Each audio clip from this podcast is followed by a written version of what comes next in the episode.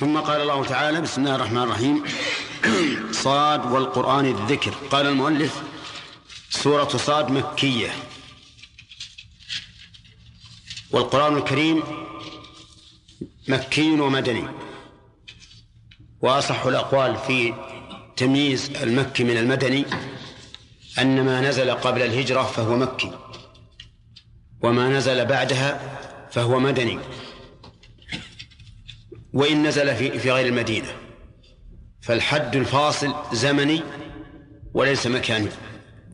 فما بعد الهجرة مدني وما قبلها مكي. قال ست أو ثمان وثمانون آية. والآيات هي عبارة عن الفواصل التي تكون بين جملة أو جملتين فأكثر. وسميت آية لأنها معجزة. فإن القرآن كما سبق قد تحدى الله فيه الناس أن يأتوا بحديث مثله وإن قل. قال بسم الله الرحمن الرحيم. هذه البسملة آية من كتاب الله. يؤتى بها في ابتداء كل سورة إلا سورة براءة. فإنه لا يؤتى بها.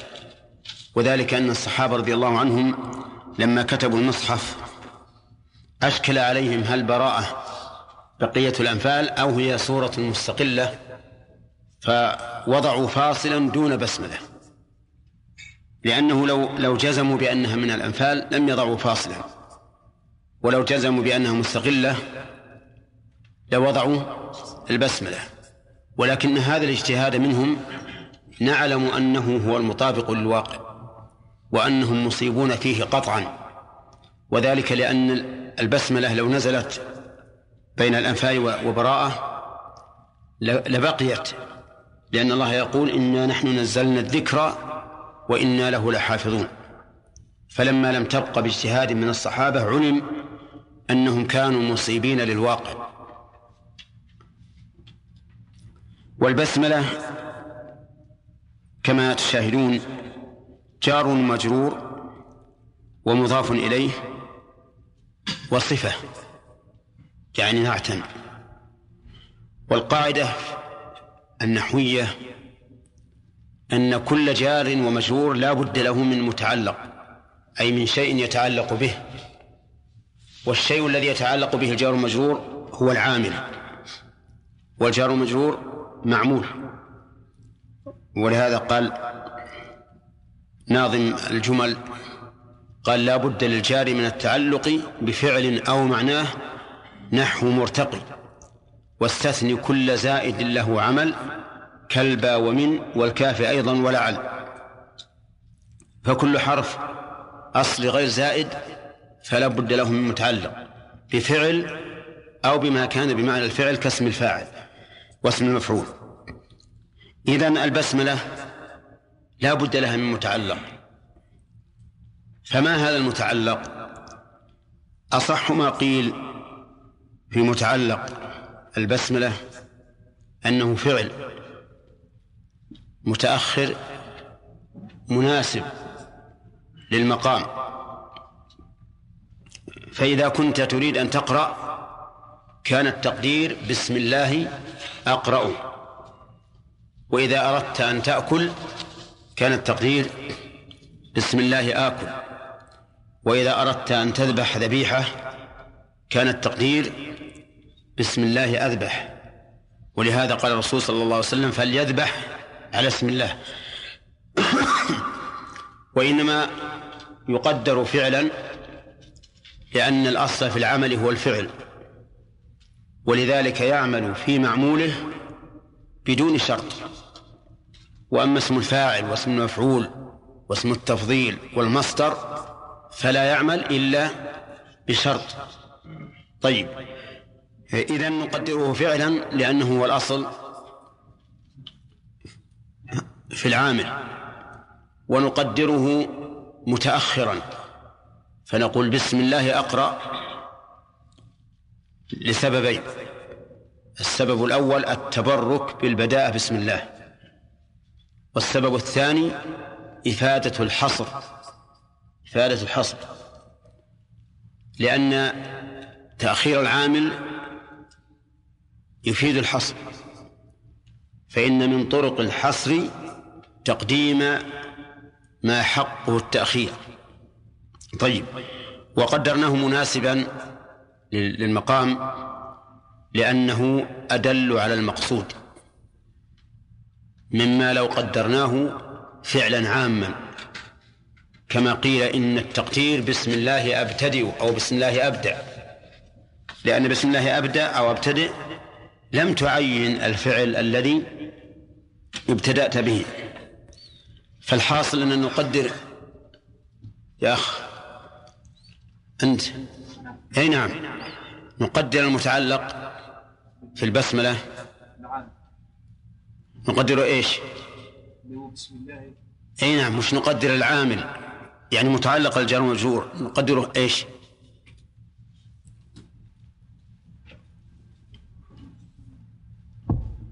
نعم يا.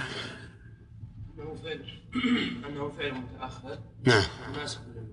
نعم. نقدره فعلا متأخرا مناسبا للمقام. آه، نقدره فعلا لماذا بندر؟ الأصل في العامل أن يكون فعلا. طيب. ونقدره متأخرا؟ لسببين. نعم. التبرك بالبداء بسم الله. الثاني إفادة الحصر. آه، كيف نقول إفادة الحصر؟ ليش؟ إذا تأخر. طيب. الثالث نقدره بفعل مناسبا. لأنه أدل على المقصود. إذ أنك إذا قدرت بسم الله أقرأ كان أدل على المقصود من قولك بسم الله أبتدئ. لأن أبتدئ ما بأي شيء تبتدئ. فهو أدل وأخص. طيب. قال الله عز وجل صاد صاد. قال المؤلف الله أعلم بمراده به. وذلك لأن كلمة صاد حرف هجائي لا يدل على معنى في اللغة العربية. فذهب جماعة من العلماء إلى أن هذه الحروف الهجائية التي ابتدأ بها بعض الصور رموز إلى معاني. وعينها كل إنسان بما يرى أنه مناسب. وذهب آخرون إلى أنها أسماء من أسماء الله أو من أسماء الرسول. وذهب آخرون إلى ما ذهب إليه المؤلف بأنها مجهولة المعنى. لا ندري ما معناها. ولكن القول الراجح ما ذهب إليه إمام المفسرين في عهده مجاهد رحمه الله. أن نقول ليس لها معنى. ليس لها معنى. وذلك لأن الله تعالى يقول نزل به الروح الأمين على قلبك لتكون من المنذرين بلسان عربي مبين. واللسان العربي لا يثبت معنى لهذه الحروف الهجائية. وعلى هذا فيكون تكون هذه الحروف الهجائية ليس لها معنى. يعني وش معنى صاد؟ نون قاف ألف لام ميم وما أشبهها. هي ليس لها معنى في اللغة العربية إذا ليس لها معنى في القرآن لأن القرآن لأن القرآن باللغة العربية. ولكن يشكل على هذا القول مع رجحانه أنه يقتضي أن يكون في القرآن كلمات لغو ليس منها فائدة. والجواب عن هذا أن نقول هي ليست لغوا في سياق في سياقها فإنها جاءت لمغزى عظيم. وذلك المغزى أن هذا القرآن العظيم الذي أعجز فصحاء اللغة وأمراء البيان لم يكن بحروف غير مألوفة عندهم. حتى يقولوا والله لا نعرف لا, لا نعرف هذه الحروف. بل كان بالحروف التي يتكون منها كلامهم. قال الذين ذهبوا هذا المذهب ودليل ذلك أنك لا تكاد ترى سورة مبدوءة بحرف هجائي إلا وجدت بعدها بعد هذا الحرف ذكر القرآن. ألف لام ميم ذلك الكتاب. ألف لام ميم الله لا إله إلا هو الحي القيوم نزل عليك الكتاب. ألف لام ميم صاد كتاب أنزل إليك. ألف لام راء تلك آيات الكتاب الحكيم. فكل سورة مبدوءة بهذه الحروف الهجائية يأتي يأتي بعد الحرف الهجائي ذكر القرآن. ما عدا قوله تعالى ألف لام ميم غلبت الروم في أذن الأرض. ألف لام ميم أحسب الناس أن يتركوا. ويمكن أن يجاب عن ذلك بأن يقال أما قوله ألف لام ميم أحسب الناس أن يتركوا أن يقول آمنا فلأنه ذكر صفة عظيمة من صفات من تمسك بالقرآن وهو الصبر على الأذى في ذات الله. وأما الثانية ألف لام قربة الروم فقد ذكر شيئا من خصائص الوحي وهو علم الغيب.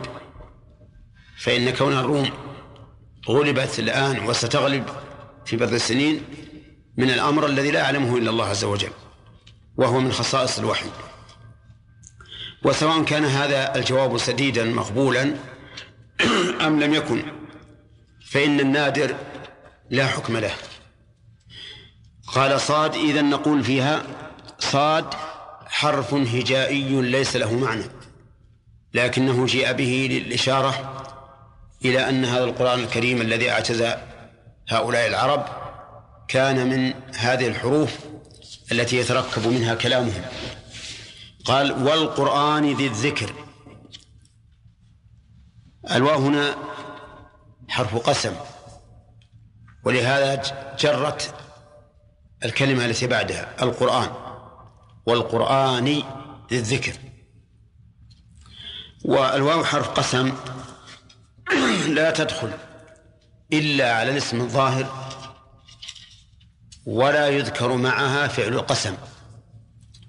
يعني تختص الواو التي للقسم بأنها لا تدخل إلا على اسم ظاهر ولا يذكر معها فعل القسم. بخلاف الباء. الباء تدخل باء القسم, باء القسم تدخل على الاسم الظاهر وعلى الضمير ويذكر معها فعل القسم ويحذف. وتدخل على كل اسم. قال الله تعالى وأقسموا بالله جهد أيمانهم. فذكر معها فعل القسم.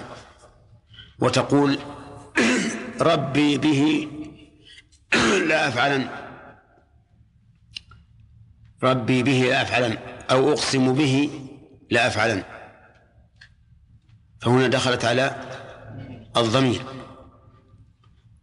أما التاء فهي أخص أدوات القسم. ما تدخل إلا على الله. ولا يذكر معها فعل القسم. وقيل تدخل على الله وعلى رب. قال ابن مالك والتاء لله ورب. قال الله تعالى والقرآن ذي الذكر وأكثر ما يقسم الله به في الواو. وذلك لأنها هي الأكثر على الألسن فجاءت الأكثر في القرآن. والقرآن ذي الذكر ذي بمعنى صاحب وهي مجرورة. لكنها مجرورة بالحرف نيابة عن الكسرة. وقوله ذي الذكر قال المؤلف أي البيان والشرف أو الشرف. يعني أن أن القرآن ذو ذكر أي ذو بيان للناس يذكرهم ويتذكرون به. أو ذي شرف أو ذو شرف لشرفه وشرف من يعمل به. قال الله تعالى وإنه لذكر لك ولقومك وسوف تسألون. فهو ذكر يذكر به ما ينفع الناس في معاشهم ومعادهم. ذكر يتذكر به الناس ويتعظون به وهو أعظم موعظة. ذكر أي شرف لمن تمسك به. إذن هو يذكر ذكر لكونه يذكر ها يذكر الناس ويعظهم. ذكر لأنه ذكر فيه ما إيش؟ ما يتعلق بمصالح الناس في معاشهم ومعادهم. ذكر لأنه شرف لمن يتمسك به. لقوله تعالى وإنه لذكر لك ولقومك وسوف تسألون.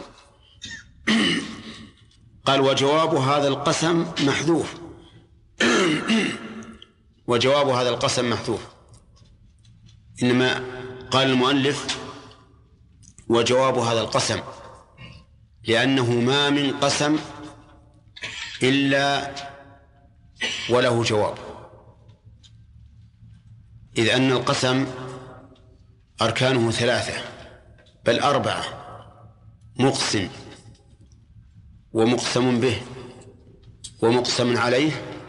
وصيغة. كل قسم لا بد فيه من هذا. وهي أربعة الآن. صيغة. ومقسم. ومقسم به. وجب. هذا أربعة. مقسم ومقسم به. وصيغة. وجواب مقسم ومقسم عليه. ومقسم به. طيب. إذا لا بد لا بد فيه من أربعة أركان.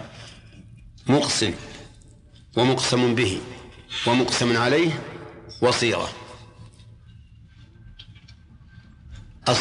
المقسم عليه هو جواب القسم. إذا لا بد لكل قسم من جواب.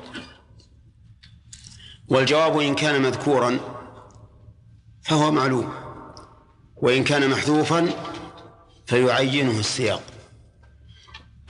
وأقسموا بالله جهد أيمانهم لئن أمرتهم لا يخرجون.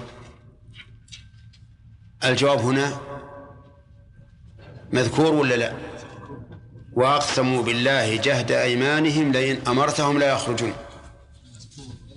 مذكور. لئن أمرتهم لا يخرجون. قل بلى وربي لتبعثن. مذكور؟ لتبعثن. في هذه الآية موج... قد وجد القس المقسم به. المقسم به. والصيغة. والقرآن للذكر. والمقسم هو الله عز وجل. بقي المقسم عليه وهو جواب القسم يقول المؤلف إنه محذوف. وتقديره ما الأمر كما قال كفار مكة مكة من تعدد الآلهة؟ هذا التقدير. فيكون جواب القسم جملة منفية. ما الأمر كما قال كفار مكة من تعدد الآلهة؟ ولكن الأمر أن الإله واحد وهو الله. وهذا التقدير الذي ذكره المؤلف لا يتعين. يعني لو قال قائل التقدير والقرآن ذي الذكر إيه، إن إلهكم لواحد. إن إلهكم لواحد. لو قال قائل هكذا حصل به ما حصل من قول المؤلف ما الأمر كما قال كفار كفار مكة. وذهب بعض العلماء إلى أن مثل هذا القسم لا يحتاج إلى جواب. لأن جوابه معلوم منه. كقوله لا أقسم بيوم القيامة ولا أقسم بالنفس اللوامة أيحسب الإنسان أن لن نجمع عظامه؟ والفجر وليال عشر والليل إذا يسري هل في ذلك قسم لذي حجر؟ ما في جواب. فيكون المقسم به متضمنا للجواب. كيف كيف يكون متضمن الجواب في هذه في هذه في هذه الجملة القسمية؟ والقرآن ذكر يعني أنكم قد ذكرتم بهذا القرآن. الذي من جملة ما ذكر به أن الله واحد. وإلى هذا ذهب ابن القيم رحمه الله في كتابه التبيان في أقسام القرآن. إلى أن القسم أحيانا لا يحتاج إلى ذكر الجواب بل ولا يحتاج إلى تقديره لأنه يعلم من السياق المقسم به. قال الله تعالى بل الذين كفروا في عزة وشقاق بل هنا للإضراب. الإضراب الإبطالي أو الانتقالي. ها؟ ما الفرق بينهما؟ الإبطالي إبطال ما سبق. كأنه مسحه وأتى ببدله والانتقال إقرار ما سبق لكنه انتقل من شيء إلى آخر. وما قبل هذا هذا الإضراب يكون باقيا غير باطل. قال بل الذين كفروا من أهل مكة. وتقييد المؤلف للذين كفروا بأهل مكة فيه نظر. والأولى الأخذ بالعموم. وسلوك هذه الطريق أعني أن يخص القرآن ببعض أفراد العام. ليس بسديد ولا جيد. وذلك لأنه نقص في التفسير. إلا أن يقوم دليل على ذلك فإذا قام دليل على ذلك وجب الأخذ بالدليل. أما إذا لم يقم دليل على ذلك فالواجب إيش؟ الواجب الأخذ بالعموم لأنه أعم وأكثر وأكثر معنى. فالذين كفروا من أهل مكة وغيرهم إلى يوم القيامة في عزة وليست عزة غلبة كالعزة التي في قوله تعالى ولله العزة ولرسوله وللمؤمنين لكنها عزة أنفة وكبرياء وعناد. ولهذا قال حمية وتكبر عن الإيمان. وهذه العزة مذمومة لأنها عزة تمنع صاحبها من قبول الحق. وأما العزة التي هي عزة النصر فهي تأييد لصاحبها. وهذا فرق. يعني وبينهما فرق كبير. قال في عزة وشقاق يعني مشاقة.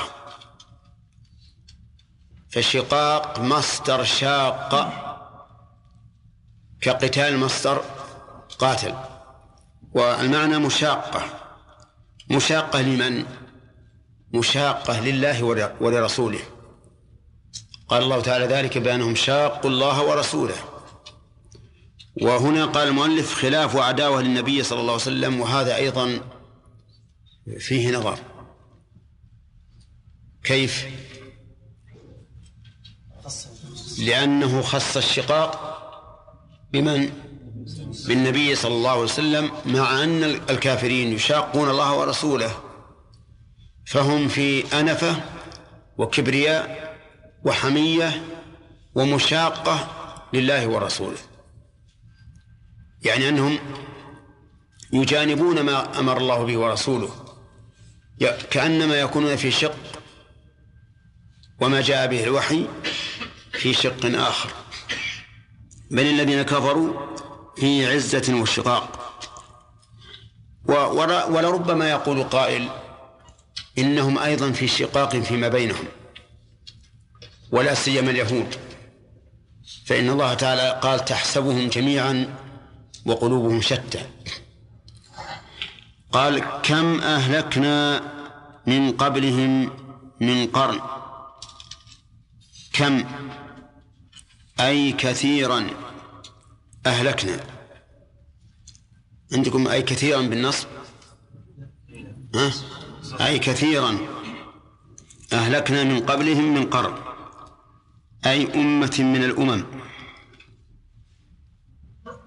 قوله كم أهلكنا. قدرها المؤلف بقوله كثيرا. وعلى هذا فتكون كم تكثيرية. وهي منصوبة على أنها مفعول مقدم لأهلكنا. ومن قبلهم متعلق بأهلكنا. ومن قرن تمييز لكم. لأن كم؟ اسم مبهم. تحتاج إلى تمييز أي إلى شيء يبينها ويميزها. فلو قيل كم أهلكنا من قبلهم ما تبين الكلام. وش أهلك؟ فإذا قال من قرن تبين الكلام.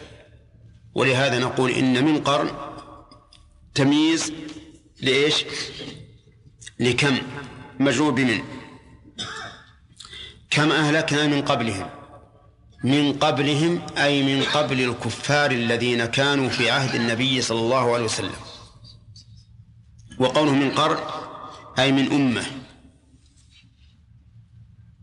والمعنى أن الله أهلك كثيرا من الأمم قبل هؤلاء.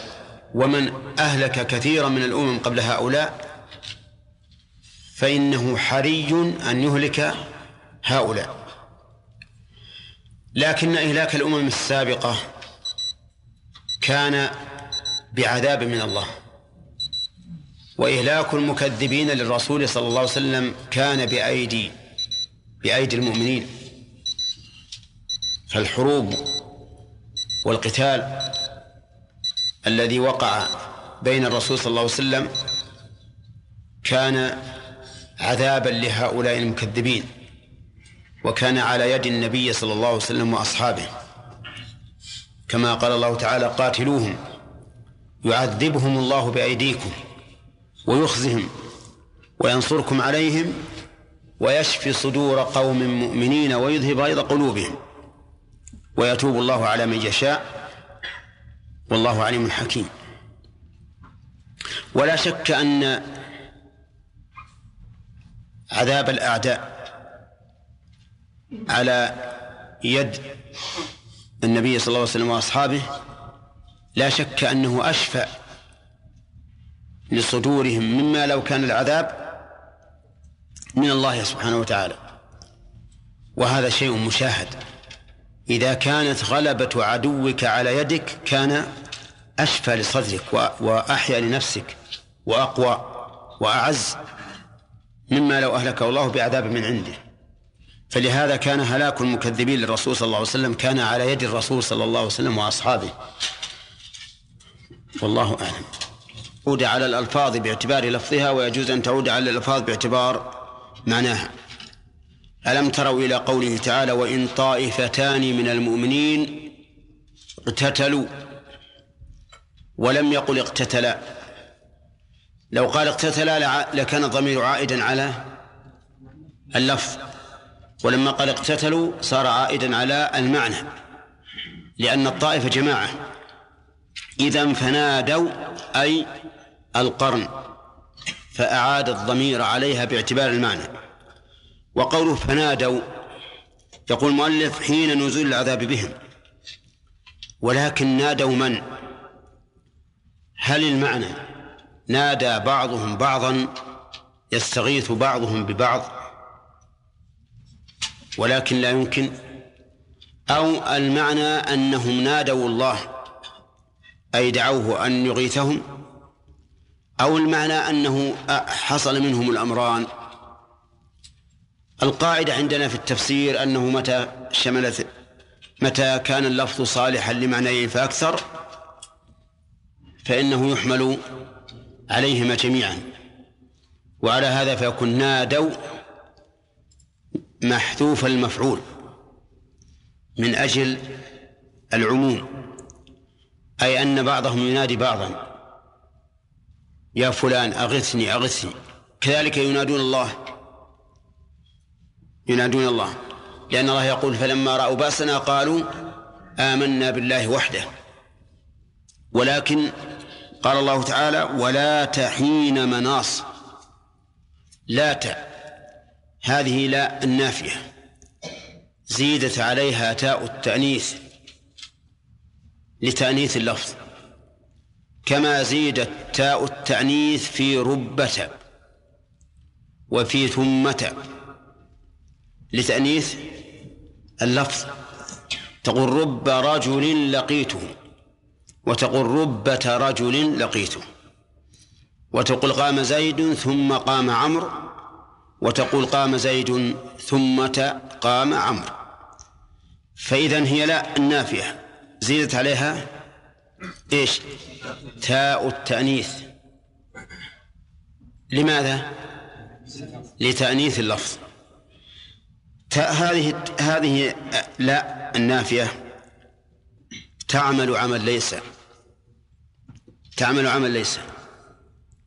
واسمها محذوف. في هذا في هذه الآية. وخبرها حين مناص. والتقدير أي ليس الحين حين. أي ليس الحين حين. فسر المؤلف بالمعنى. فعليه تكون لا بمعنى ليس. واسمها محذوف تقديره الحين. وخبرها موجود وهو قوله حين مناص والغالب أن خبر لا يكون زمانا. هذا الغالب. لا يأتي إلا زمانا. قال الشاعر ندم البغاة ولا تساعة من دمي.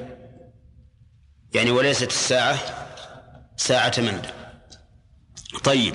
وقول مناص المناص الفرار. الفرار. يعني أنه نعم الفرار والنجاة.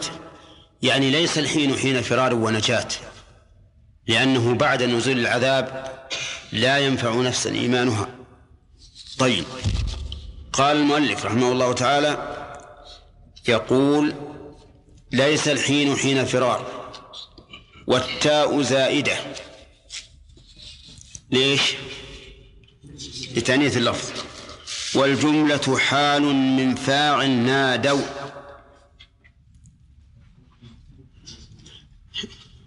وعلى هذا فتكون في محل نصب. لأن الجملة الحالية دائما في محل نصب. يعني نادوا في حي في حال لا مناص لهم مما نزل بهم.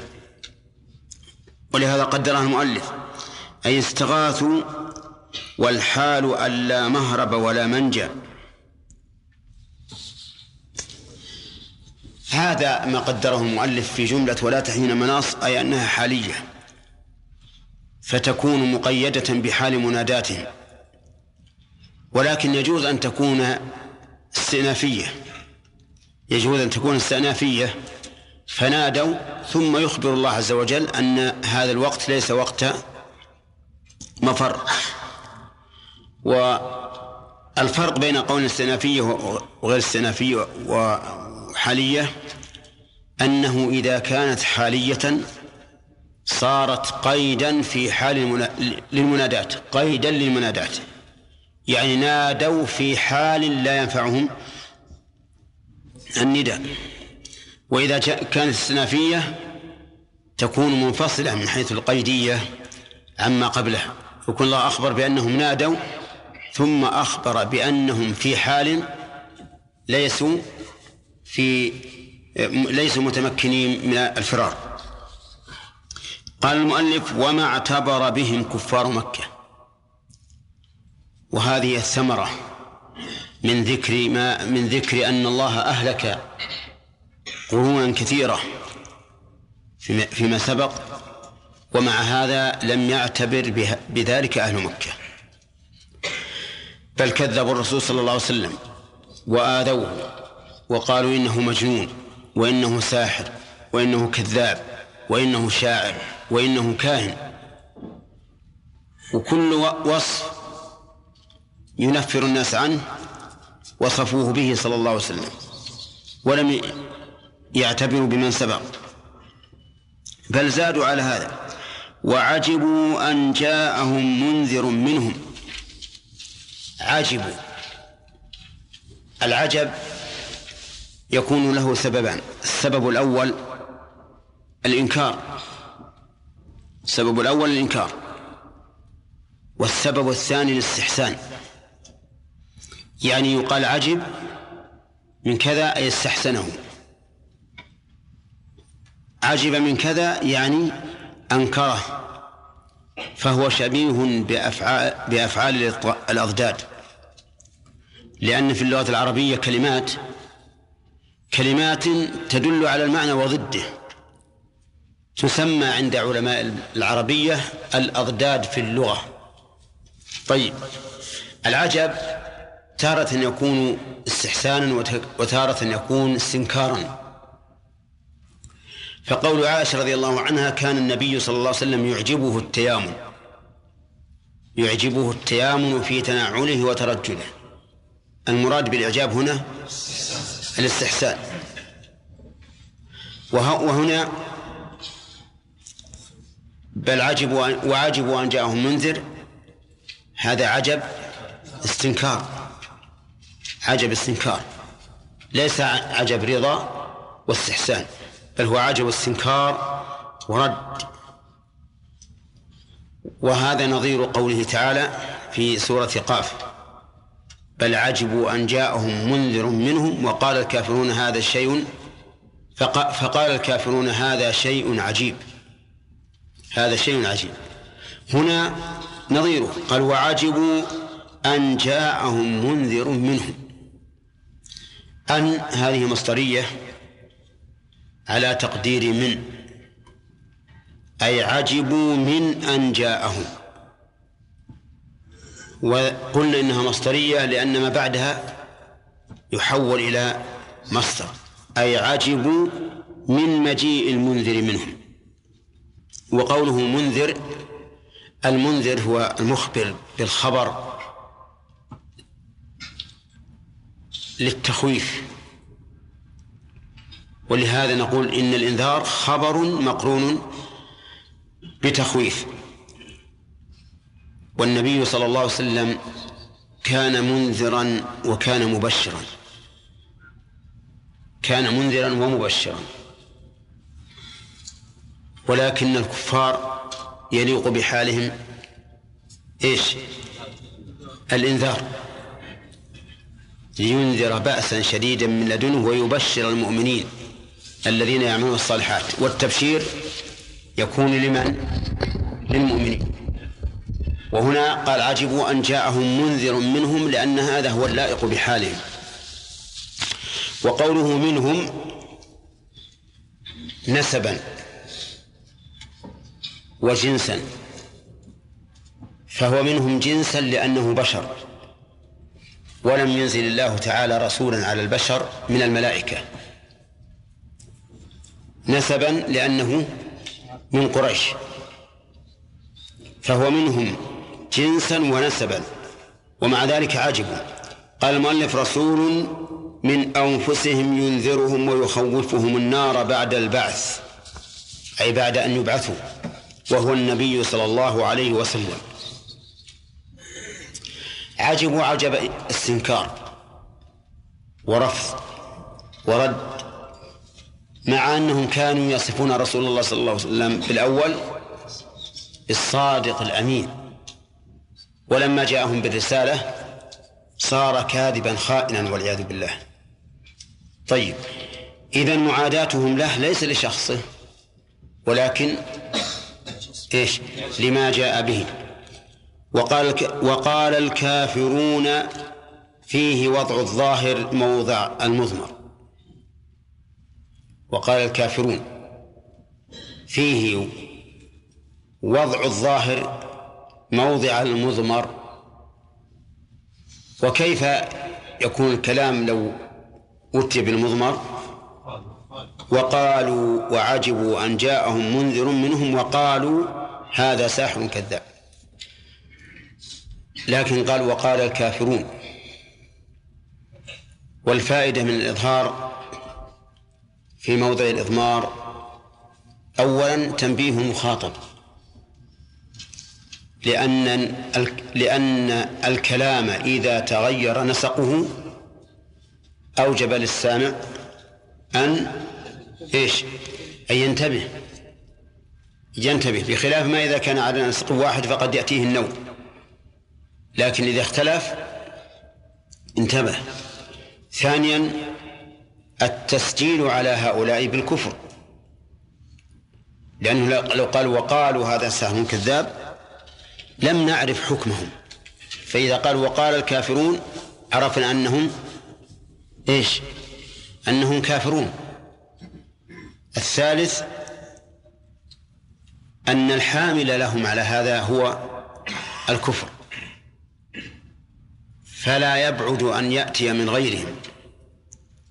مثل ما أتى منهم لأنه إذا كانت العلة واحدة فمتى وجدت هذه العلة حصل, حصل المعلول من أي شخص كان. فهذه فوائد الإظهار في موضع الإضمار. يقولها لنا عيسى؟ أي نعم. ها؟ الإعلام بأن هؤلاء نعم.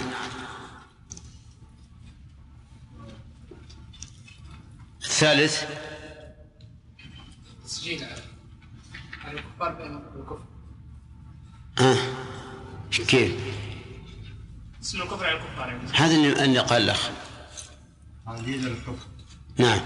لأن يعني تعليل هذا القول بأن الحامل عليه هو الكفر. فيكون هذا متعديا لغيرهم. يعني كل كافر يقول هذا الكلام. طيب. وقال الكافرون هذا ساحر كذاب.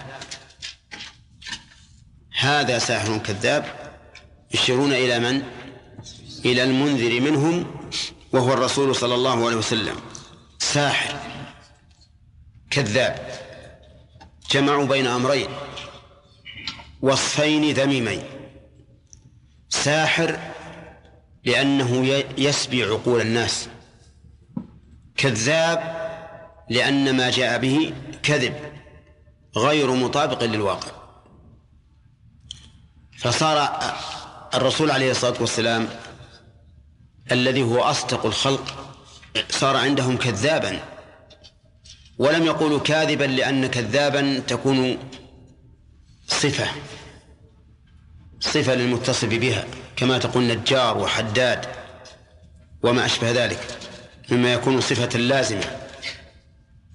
فهم قالوا إنه ساحر لقوة تأثيره على سامعه. فإن الرسول صلى الله عليه وسلم كان إذا سمع الناس قراءته تأثروا بها تأثرا عظيما. وكانت النساء والصبيان يجتمعون إلى بيت الرسول صلى الله عليه وسلم يسمعون قراءته يسمعون قراءته وكانوا يتأثرون بهذه القراءة. فكان كفار قريش يقولون إن محمدا سحر أبناءنا ونساءنا وأنه ساحر لقوة تأثيره فيهم. كذاب يعني أن ما جاء به فهو كذب لا حقيقة له. طيب وقال من الكاذب؟ الكاذب هو المخبر بخلاف الواقع. كل من أخبرك بخلاف الواقع فقد كذبك. قال أجعل الآلهة إله واحدا؟ هذا مصب الإنكار. أجعل الآلهة إله واحدا؟ هذا الاستفهام يحمل معنيين. المعنى الأول التعجب الاستنكاري. والثاني الإنكار البليغ. على رسول الله صلى الله عليه وسلم حيث جعل الآلهة إلها واحدا. هناك قال جعل الآلهة إله واحدا. نصبت مفعولين. الأول الآلهة والثاني إلها واحدا. يعني أصير محمد الآلهة إله واحدا وهم يعبدون آلهة متعددة اللات والعزى. ومنات وهبل وغيرها من الأصنام. كيف يأتي محمد ويقول ليس فيه إله آلهة إلا الله؟ هذا عندهم من أكبر الكذب. طيب يقول أجعل الآلهة إلى واحد حيث قال لهم قولوا لا إله إلا الله. أي كيف يسع الخلق كلهم إله واحد؟ وهذا من جهلهم وغباوتهم أن ينكروا كون الآلهة إله واحد. فنقول لهم من الخالق؟ وكم؟ يقولون الخالق هو الله. ها. كم هذه جوابه واحد. إذا كان الخالق هو الله وهو واحد كما تؤمنون به فإنه لا غرابة أن يكون الإله هو الله وهو وهو واحد ومن وسع الخلق خلقا وسعهم تعبدا. فإذا كانت الآلهة لم تخلق شيئا بإقراركم فكيف تستحق أن تكون إلها؟ وإذا وإذا كان يمكن حصار الخلق في واحد فإنه يمكن أن تنحصر العبادة في واحد. طيب ولهذا قال أجعل الآلهة إله واحدا إن هذا لشيء عجاب. إن هذا المشار إليه. جعله الآلهة إله واحد. يعني إن جعله الآلهة إله واحدا لشيء عجاب. عجاب أي عجيب لكن كلمة عجاب أبلغ من كلمة عجيب. لأنها تدل على المبالغة. أي لشيء يتعجب منه الإنسان عجبا عظيما كثيرا. ولهذا عدلوا عن عن عجيب إلى إلى عجاب. إن هذا لشيء عجاب. قال الله تعالى وانطلق الملأ منهم. أن امشوا واصبروا على آلهتكم. انطلق الملأ ولم يذكر مكان الانطلاق. ليعم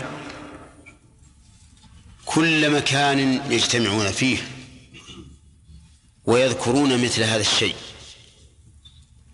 فكلما اجتمعوا في مكان وتذاكروا فيما بينهم ما جاء به الرسول صلى الله عليه وسلم من التوحيد انطلقوا من هذا المكان وهم يتواصون بالباطل والصبر عليه. ولهذا قال انطلق الملأ منهم. والملأ هم الأشراف والكبراء والوجهاء. والأشراف والكبراء والوجهاء هم الذين كانوا يقابلون الرسل بالرد والرفض. خوفا على مكانتهم من أن تزول باتباع الرسل. ولو تأملتم القرآن لوجدتم أن الذين يقومون في وجوه الرسل هم ها الملأ والأشراف. أما الضعفاء من النساء والأولاد والفقراء فهم الذين يكونون أول من ينقاد إلى من ينقاد للرسل. هنا ينطلق الملأ منهم. ينطلقون من أي شيء؟ من كل مكان يجتمع فيه.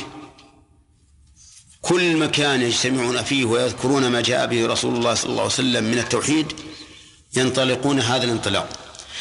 وأما قول المؤلف انطلق الملأ منهم من مجلس اجتماعهم عند أبي طالب وسماعهم فيه من النبي صلى الله عليه وسلم قولوا لا إله إلا الله فهذا تقييد لمطلق. وقد ذكرنا أن تفسير القرآن بما هو أخص تفسير قاصر لأنه يقصر المعنى المطلق على هذا المعنى المقيد أو المعنى العام على المعنى الخاص وهذا نقص بلا شك. إلا إذا قام الدليل على ذلك فليتبع الدليل. فقوله تعالى الذين قال لهم الناس إن الناس قد جمعوا لكم. هذا عام. ولكن إذا طبقنا هذا الكلام على الواقع وجدنا أن المراد بالناس الخاص. قال لهم الناس القائل واحد إن الناس قد جمعوا لكم أيضا الناس مو مو ليس كل الناس جمعوا للرسول صلى الله عليه وسلم. الذين لم تبلغهم الدعوة ما جمعوا له.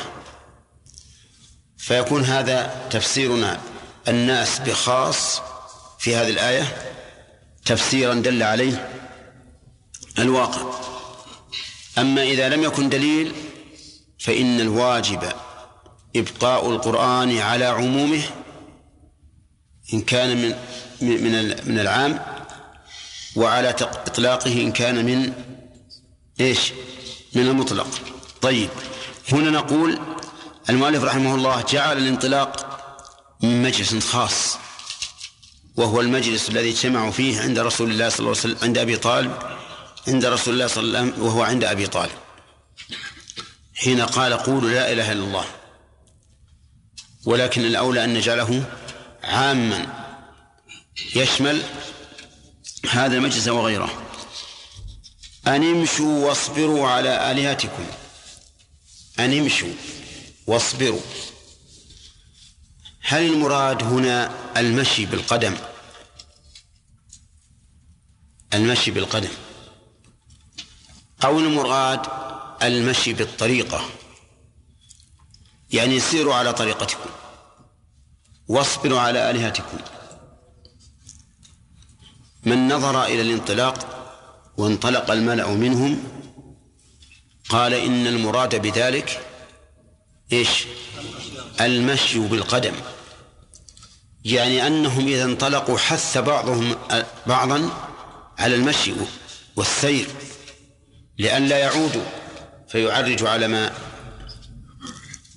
ما انطلقوا منه. كأنهم إنما ينطلقون فرارا فيوصي بعضهم بعضا بالمشي. وإذا نظرنا إلى المعنى أو إلى عموم أحوالهم قلنا إن المراد بذلك إيش؟ المشي على الطريقة. يعني سيروا على طريقتكم. ولا يهمنكم أحد. واصبروا على آلهتكم. يعني احبسوا أنفسكم عليها. لا تحيد عنها. وهذا من باب التواصي بماذا؟ بالباطل. يقول بعضهم لبعض امشوا واصبروا على آلهتكم اثبتوا على عبادتها إن هذا المذكور من التوحيد لشيء يراد. اصبروا على آلهتكم يعني اثبتوا عليها في عبادتها والدفاع عنها وعدم قبول كل شيء يبطلها. اصبروا. إن هذا لشيء يراد. هذا المشار إليه ما جاء به النبي صلى الله عليه وسلم من التوحيد.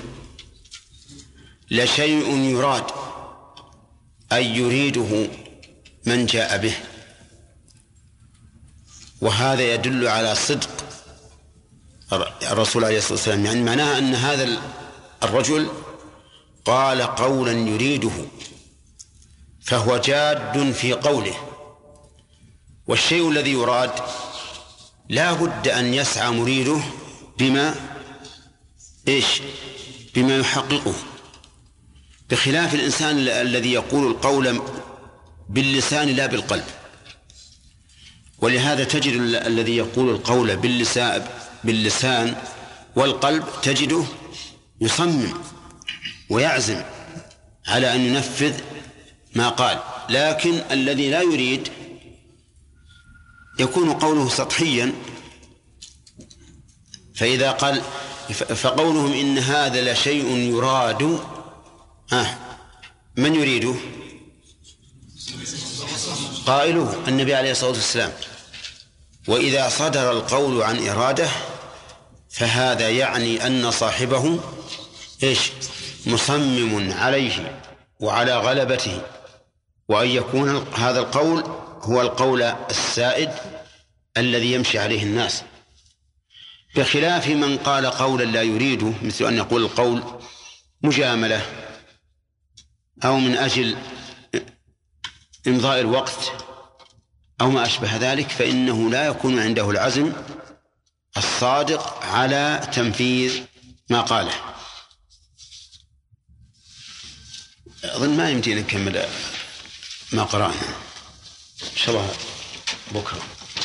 الشيطان الرجيم. ما سمعنا بهذا في الملة الآخرة إن هذا إلا اختلاق. أأنزل عليه الذكر من بيننا؟ بل هم في شك من ذكري. بل لما يذوقوا عذاب بس. أعوذ بالله من الشيطان الرجيم.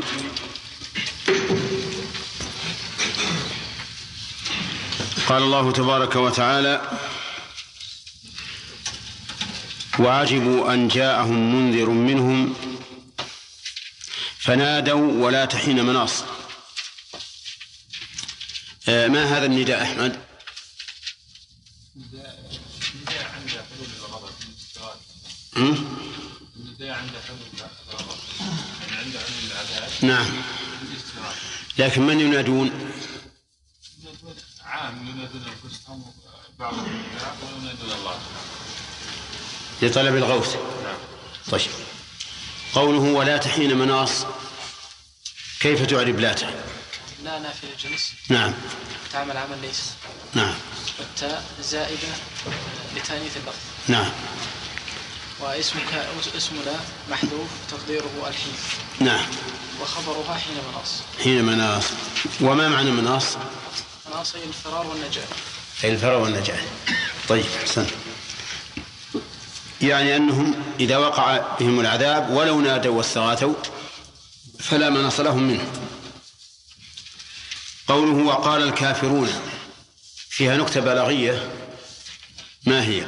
فيها وضع الظاهر موضع المضمر. نعم. وهذا فيه عدة فوائد. نعم. الفائدة الأولى التنبيه لأنه لو استطرد الكلام على نمط واحد لما انتبه السامع. نعم. ثانيا آه، فيها الإعلام أن هؤلاء كافرون. نعم. ثالثا فيها التعليل بأن من قال هذا القول فهو كفر فيتعدى إلى كل من قال مثل هذا القول فإنه كافر. نعم. طيب. قوله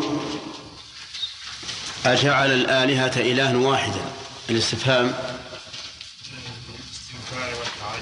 نعم. والضمير في قوله جعل يعود إلى من؟ إلى محمد رسول الله صلى الله عليه وسلم. طيب. آه، كيف جمعوا بين وصفه بالسحر والكذب؟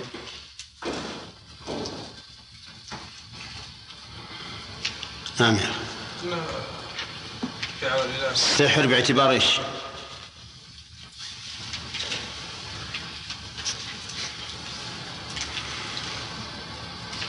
إله إله واحد.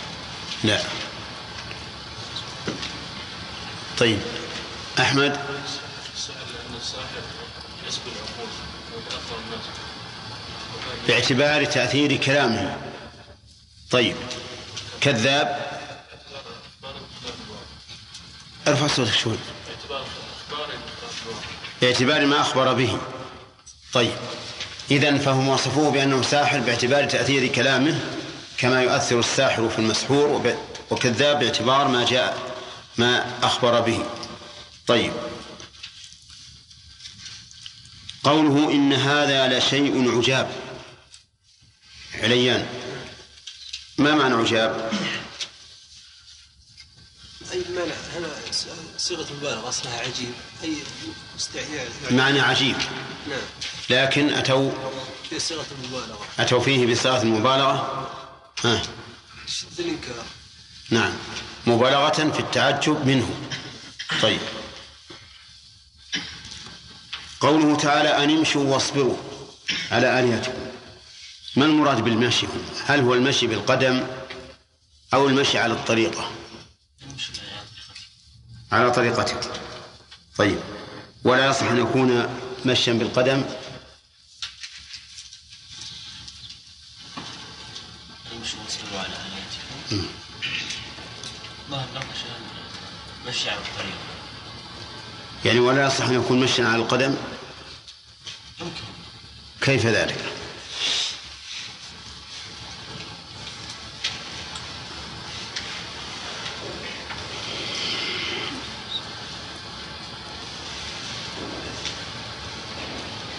ناظم؟ كلمة لا بس آه، كيف ذلك؟ بس إحنا عرفنا الآن أنه يصح نعم. لكن كيف ذلك؟ كيف يتآمرون أو يأمر بعضهم بعضا بالمشي على القدم؟ من كلمة انطلاق انطلقوا آه. فنقدر نبني عليها المشي على القدم. يقول كيف؟ كيف يتواصون بالمشي على القدم؟ يعني ليش؟ فرار فرارا خوفا من؟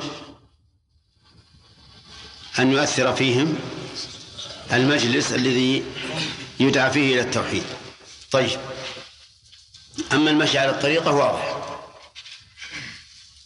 قوله إن هذا لشيء يراد. سامي ما معنى لشيء يراد؟ إنما جاء به شيء يراد منه. يريدنا أن نتبعه فيما جاء. إيه يراد منا أو يراد منه؟ لا يراد منه. منا ومنه أيضا. ها. هو يريدنا أن نتبعه. يحتمل كل المعنى طيب يراد منا معروف أن ما دعاهم الرسول إلا يريد منهم هذا الشيء. لكن يراد منه. كيف ذلك؟ بأن يتركوا آلهته ويتبعوا نعم. يراد من أن صاحب الإرادة لابد أن يحق إرادته. نعم. لأن من الناس من يتكلم بالكلام لكنه ما يهتم به ولا يريد ما ما يفضي إليه بخلاف المتكلم بكلام يريد ما يتكلم به. ولهذا نسمع كثيرا من الناس ال- يقول أنا أنا أقول كذا وأعني ما أريد. ما أقول أعني ما أقول. يعني أنه سوف ينفذ وسوف يعمل. فإذا كان الرسول صلى الله عليه وسلم يريد ما يقول فمعنى ذلك أنه سوف يسعى بكل ما يستطيع لإتمامه. أظننا ما أخذنا فوائد. من أول السورة ها؟ من أول السورة طيب نأخذ اليوم إن شاء الله. قال الله تبارك وتعالى بسم الله الرحمن الرحيم. من فوائد هذه الآية أنه ينبغي الابتداء بها في الأمور الهامة ولهذا يبتدئ الله بها كل سورة ومن المعلوم أن ومن المعلوم أن السورة من الأمور الهامة. وجاء في الحديث عن رسول الله صلى الله عليه وسلم أنه قال كل أمر ذي بال لا يبدأ فيه ببسم الله فهو أبتر. والحديث حسن. ومن فوائدها إثبات الألوهية لله في قوله بسم الله. ومن فوائدها إثبات أسماء الله لقوله بسم الله. وهذا مفرد مضاف فيعم كل اسم لله عز وجل. ولهذا يفسرها بعض المفسرين بقولهم أي بكل اسم من أسماء الله. ابتدئ. ومن فوائدها التبرك بذكر اسم الله عز وجل. فتكون أسماء الله مما يدعى الله به لقوله ولله الأسماء الحسنى ومما يتبرك به ويستعان به لأنها تقدم بين يدي الأمور الهامة. وإذا أردت أن تعرف مدى بركة هذه التسمية فانظر إلى الذبيحة. يسمى عليها فتكون طيبة حلالا ولا يسمى عليها فتكون خبيثة حراما مع أن الذابح واحد والآلة المذبوح بها واحد ومكان الذابح الذبح واحد وإنهار الدم واحد كل شيء واحد. لكن لما فقدت التسمية صارت خبيثة ميتة لا يحل أكلها فإذا سمي عليها صارت طيبة. إذا أتى الرجل أهله فقال بسم الله اللهم جنبنا الشيطان وجنب الشيطان ما رزقتنا فإنه إن ولد له ولد لم يضره الشيطان. وإن لم يسمي بهذه التسمية كان عرضة لأن يصاب ولده بالشيطان ويضر به. من فوائد الآية الكريمة إثبات الرحمة لله في قوله الرحمن الرحيم. وأنها رحمة واسعة لقوله الرحمن لأن الرحمن صفة تدل على السعة والامتلاء ومنها إثبات الأسماء الثلاثة لله وهي الله والرحمن والرحيم. ثم قال الله تعالى صاد والقرآن ذي الذكر بل الذين كفروا في عزة والشقاق.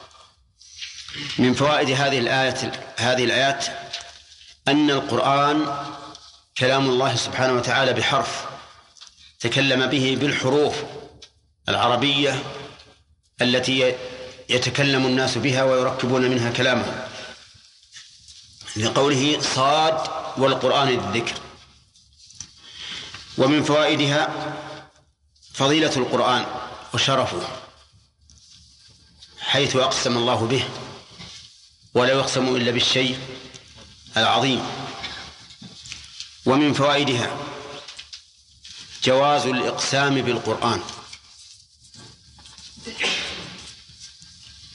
من أين يؤخذ؟ هذا خطأ. هذا خطأ. ليس فيها دليل على جواز الإقسام بالقرآن.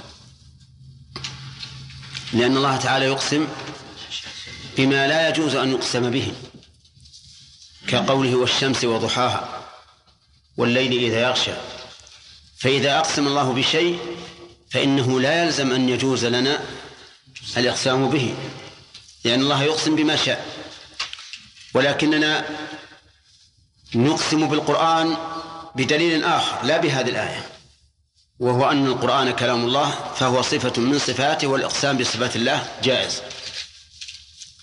ومن فوائد هذه الآيات أن القرآن ذكر على الوجوه التي ذكرناها في معنى الذكر فهو موعظة يتذكر به وهو ذكر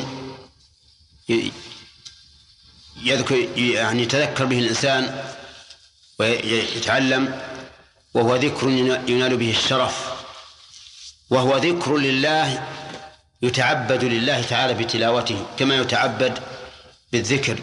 لا إله إلا الله سبحان الله والحمد لله. ومن فوائد هذه الآيات بيان ما في نفوس الكفار من الحمية والأنفة الباطلة. لقوله بل الذين كفروا في عزة وشقاق. ومن فوائدها أيضا أن الكفار لا يسكتون على كفرهم.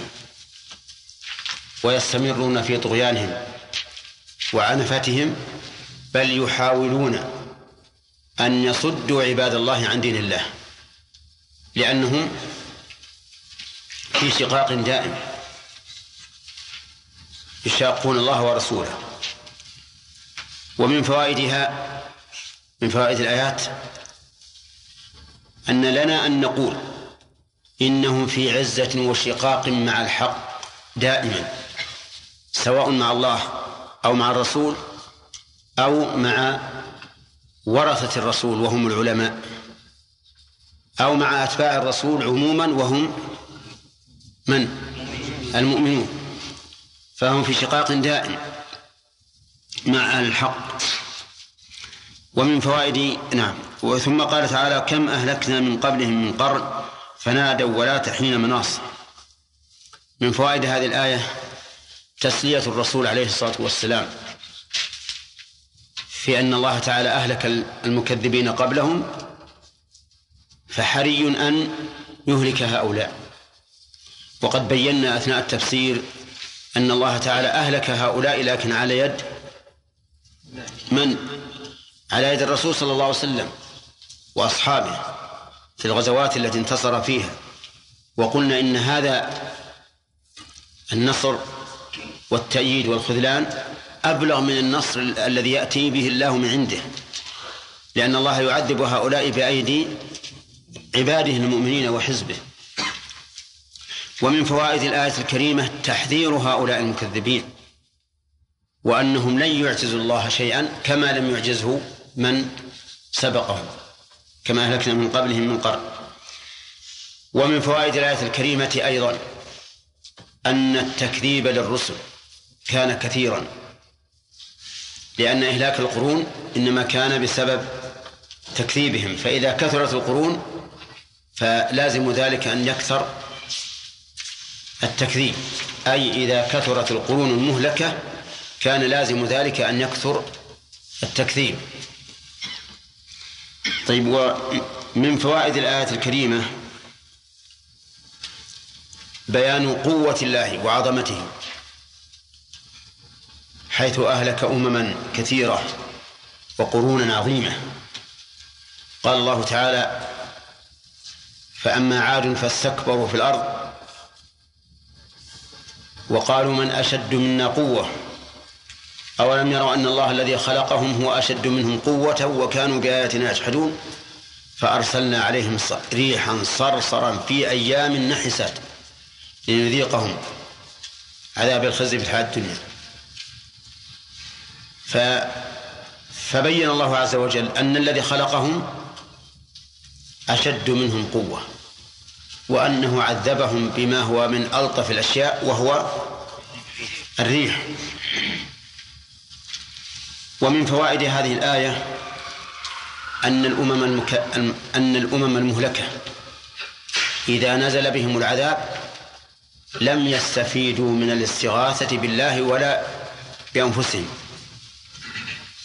لقوله فنادوا ولا تحين مناص يعني لا, لا ليس هناك فرار من هذا العذاب الذي نزل بهم. ثم قال الله تعالى وعجبوا أن جاءهم منذر منهم. وقال الكافرون هذا ساحر كذاب.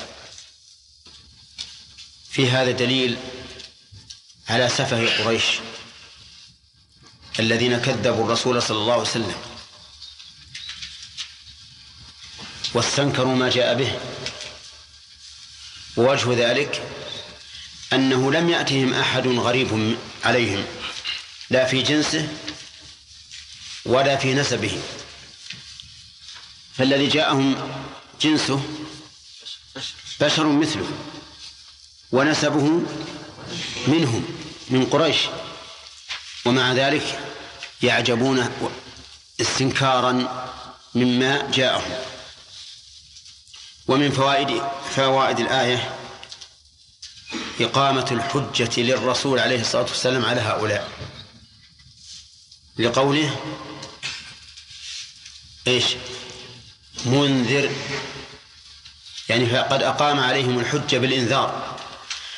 وقد قامت الحجة للرسول صلى الله عليه وسلم وأنه لم يفرط في رسالته بل أنذر وقام بما يقول بما قام به من من البلاغ.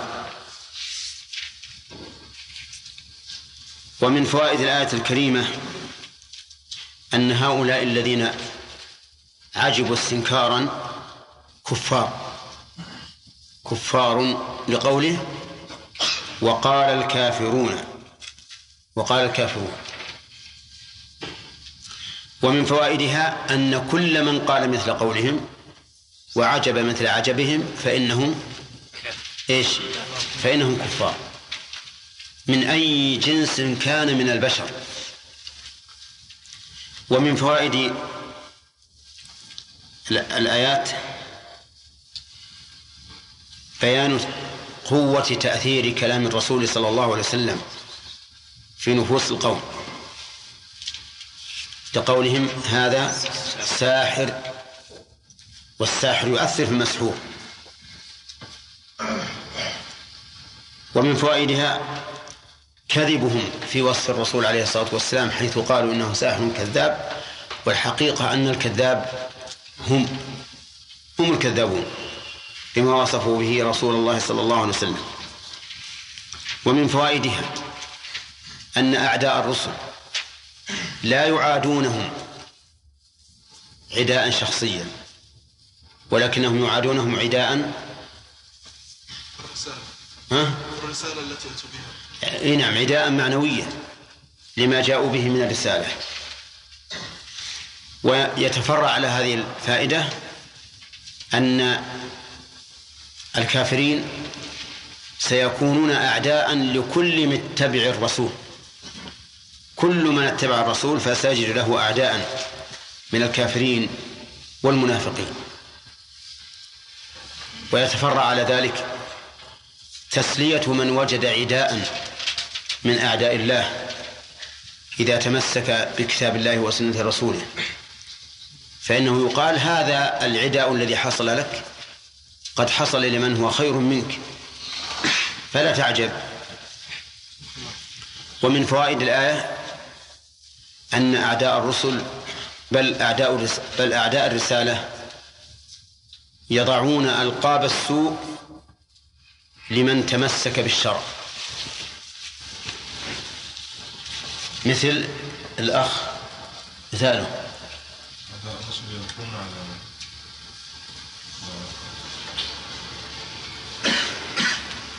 يضعون ألقاب السوء لكل من تمسك بالشريعة.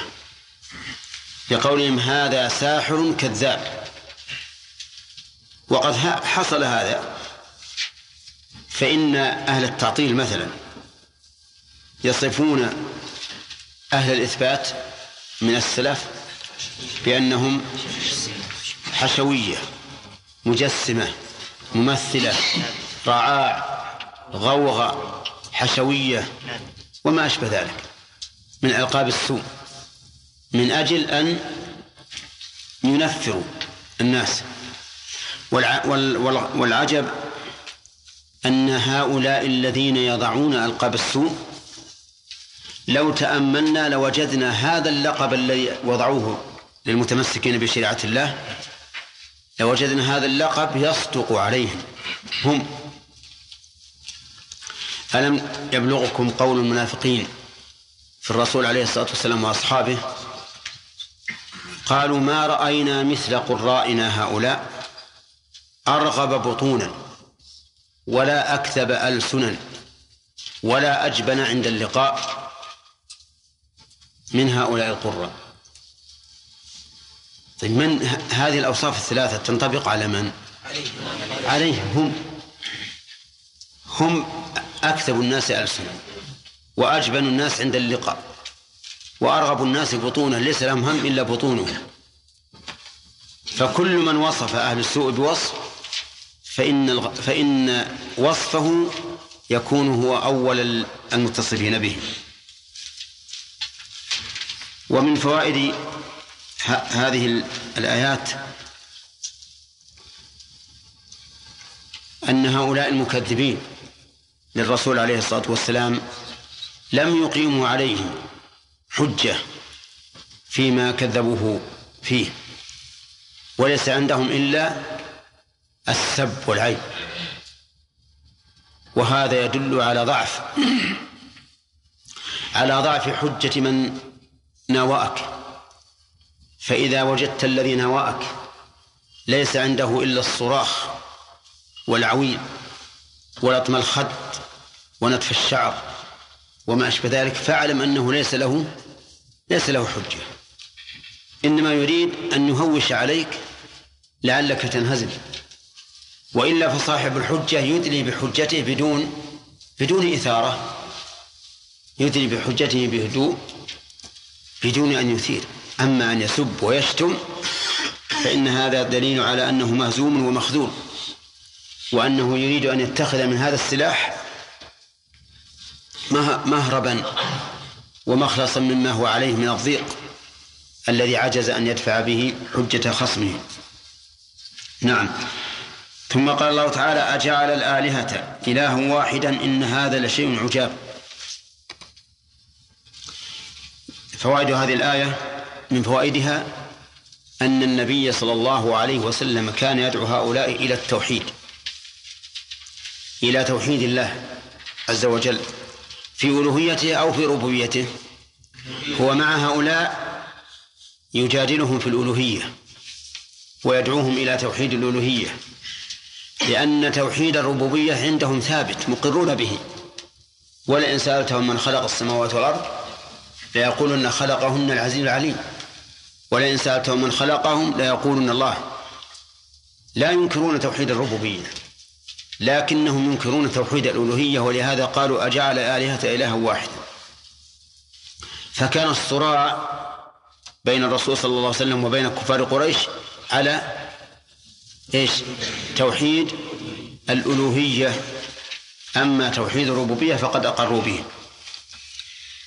ومن فوائد هذه الآية وجوب تقديم الأهم فالأهم في الدعوة إلى الله. لأن الرسول صلى الله عليه وسلم أول ما دعا هؤلاء إلى التوحيد. ما قال صلوا ولا زكوا ولا صوموا ولا حجوا. أما دعاهم إلى التوحيد. وهذا هو شأن القرآن وهذا شأن سنة الرسول عليه الصلاة والسلام العملية. فإنه لما بعث معاذا إلى اليمن أمره أن يدعوهم أول ما يدعوهم إليه إلى شهادة أن لا إله إلا الله وأن محمد رسول الله. ومن فوائد الآية الكريمة مكابرة هؤلاء. الذين أنكروا توحيد الألوهية حيث ادعوا أن الدعوة إليه من الأمور العجيبة جدا. لقولهم إن هذا لشيء عجاب. وكما قلت لكم آنفا أن من وصف الحق بأوصاف الباطل فإن حقيقته أن تعود هذه الأوصاف إيش؟ إليه. فأيما أشد عجبا؟ رجل يدعو إلى توحيد الله وآخر يدعو إلى الإشراك به ونفي التوحيد. أيهما أعجب؟ الثاني. ولهذا نقول والله إن الشيء العجاب أن تنكروا توحيد الله وأن تدعوا أن مع الله شريكا. هذا الشيء هذا هو الشيء العجاب. أما رجل يدعو إلى توحيد الله الذي دلت عليه الفطرة ودلت عليه الآيات الكونية والشرعية فإن هذا ليس بعجاب بل العجاب فعلكم أنتم. ومن فوائد هذه الآية الكريمة استعمال المؤكدات في الكلام وأنه من الأساليب اللغوية. لقولهم إن هذا لشيء. فهم أكدوا هذا هذه الجملة بمؤكدين. بإن ولا. إن هذا لشيء عجاب. ثم قال تعالى وانطلق الملأ منهم أن امشوا واصبروا على آلهتكم إن هذا لشيء يراد. في هذا أيضا دليل على تخوف هؤلاء من تأثير دعوة الرسول صلى الله عليه وسلم فيهم. ولهذا كانوا يتواصون بالصبر على آلهتهم. وكانوا يتواصون بالبقاء والثبات على طريقتهم. وكانوا يتواصون بالهروب من الأماكن التي يدعى فيها إلى التوحيد. كل هذا يؤخذ من قوله أن امشوا واصبروا على آلهتكم. وفي هذا دليل ومن فوائد الآية أن أهل الباطل يحنون على باطلهم ويحافظون عليه ويخافون من تزعزعه لقوله وانطلق الملأ منهم أن امشوا واصبروا على آلهتكم. وهكذا أهل الباطل تجدهم دائما يحوطون باطلهم بالسياج الذي يمنع من الوصول إليه على وجه يمزق هذا الباطل. ومن فوائد هذه الآية الكريمة أن أن للاجتماع على الشيء تأثيرا في بقائه وثباته. من أين يؤخذ؟ من التواصي بالثبات على ما هم عليه والصبر على آلهتهم. ولا شك أن العمل الجماعي أكثر تأثيرا من العمل الفردي. مهما كان الفرد يعني مهما كان الفرد في القوة لا شك أن العمل الجماعي له تأثير.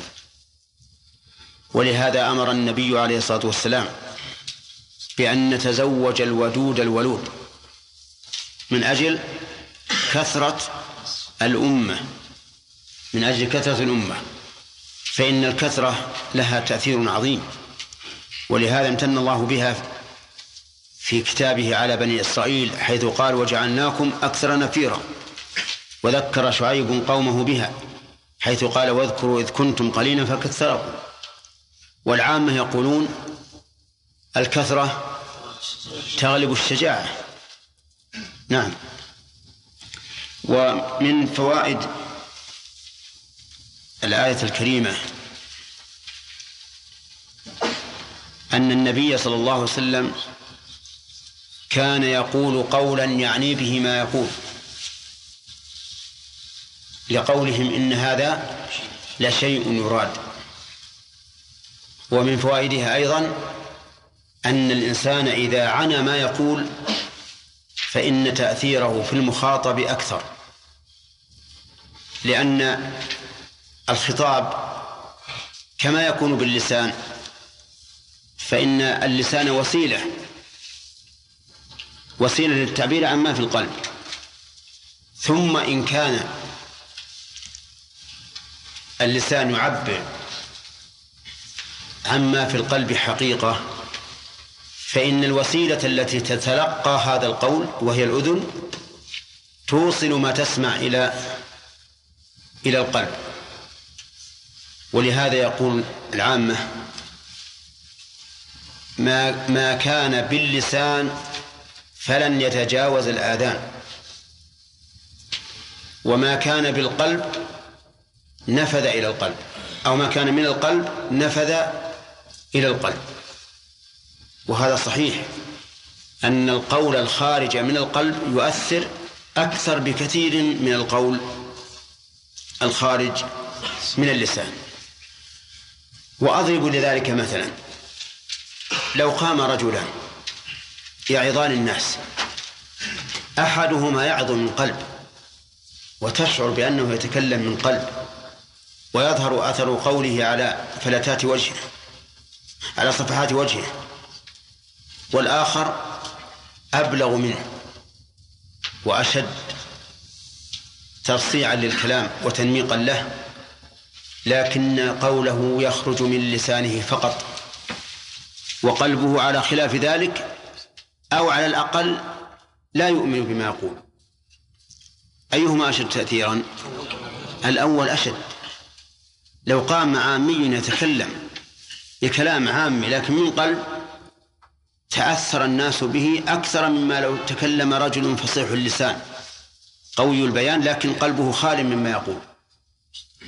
وهذا شيء مشاهد.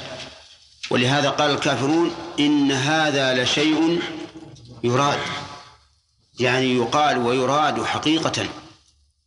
فهم لقوة إرادة النبي صلى الله عليه وسلم لما يقول كانوا يخافون من هذه الإرادة ويقولون إن هذا لشيء يراد. والله أعلم. أعوذ بالله من الشيطان الرجيم. أظن انتهى الكلام عن الفوائد. قال الله تبارك وتعالى حاكيا عن قريش ما كانوا يتواصون به من الصبر على آلهتهم والثبات عليها. قال في جملة كلام نقل عنهم من جملة كلامهم ما سمعنا بهذا في الملة الآخرة. ما سمعنا بهذا. المشار إليه التوحيد أي أنه لا إله إلا الله في الملة الآخرة. الملة هي الدين. الذي يكون عليه الإنسان. كما قال الله تعالى ثم أوحينا إليك أن اتبع ملة إبراهيم حنيفا. وتطلق الملة على الحق وعلى الباطل. فالكفار على ملة والمسلمون على ملة. وفي كلام أهل الفقه في الفرائض لا يتوارث أهل ملتين. وجاء في ذلك حديث عن رسول الله صلى الله عليه وسلم. فالملة هي الدين الذي يكون عليه المرء من عقائد وعبادات وأخلاق. وقوله في الملة الآخرة قال المؤلف أي ملة عيسى. لأن عيسى هو آخر الرسل قبل محمد صلى الله عليه وسلم. لم يكن بينه وبين محمد صلى الله عليه وسلم نبي. وما قيل عن نبوة بعض العرب مثل خالد بن سنان أو غيره فإنه لا لا صحة له. وذلك لأن العرب ليس فيهم رسول إلا إسماعيل عليه الصلاة والسلام ومحمد صلى الله عليه وسلم. وما سوى ذلك فكل ما يدعى من أن في العرب رسولا أو نبيا فهو كذب. يقول في الملة الآخرة أي ملة عيسى. وذلك لأن الذي لأن الذي سمعوه في ملة عيسى هو أن الله ثالث ثلاثة وهذا ليس بتوحيد.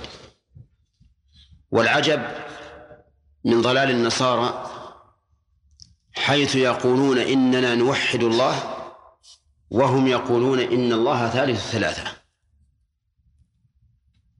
فأين التوحيد؟ في في في ثلاثة. لا يمكن أن تجعل الثلاثة واحدا. ولهذا يعتبر يعتبر هذا من أضل ما ضل فيه النصارى. وهم كما تعلمون ضالون. لكن هذا من أشد ما يكون من الضلال. كيف تقول إنك موحد وأنت تقول إن الله ثالث ثلاثة مريم وابنها والله. فالعرب الذين في عهد الرسول صلى الله عليه وسلم ما سمعوا في ملة عيسى توحيدا وإنما سمعوا فيها تثليثا. فكأنهم يقولون أنت يا محمد أتيت بملة لم تكن لمن قبلك. فالذين من قبلك آخرهم الملة النصرانية وهم لا يقولون بالتوحيد. ما سمعنا بهذا في الملة الآخرة؟ إن هذا إلا اختلاق. إن يقول المؤلف ما. وعلى هذا فهي نافية. وعلامة إن النافية أن يأتي بعدها الإثبات بإلا أو نحوها. وهنا أتى بعدها الإثبات بإلا. ما هذا إلا اختلاق. وإن تأتي في اللغة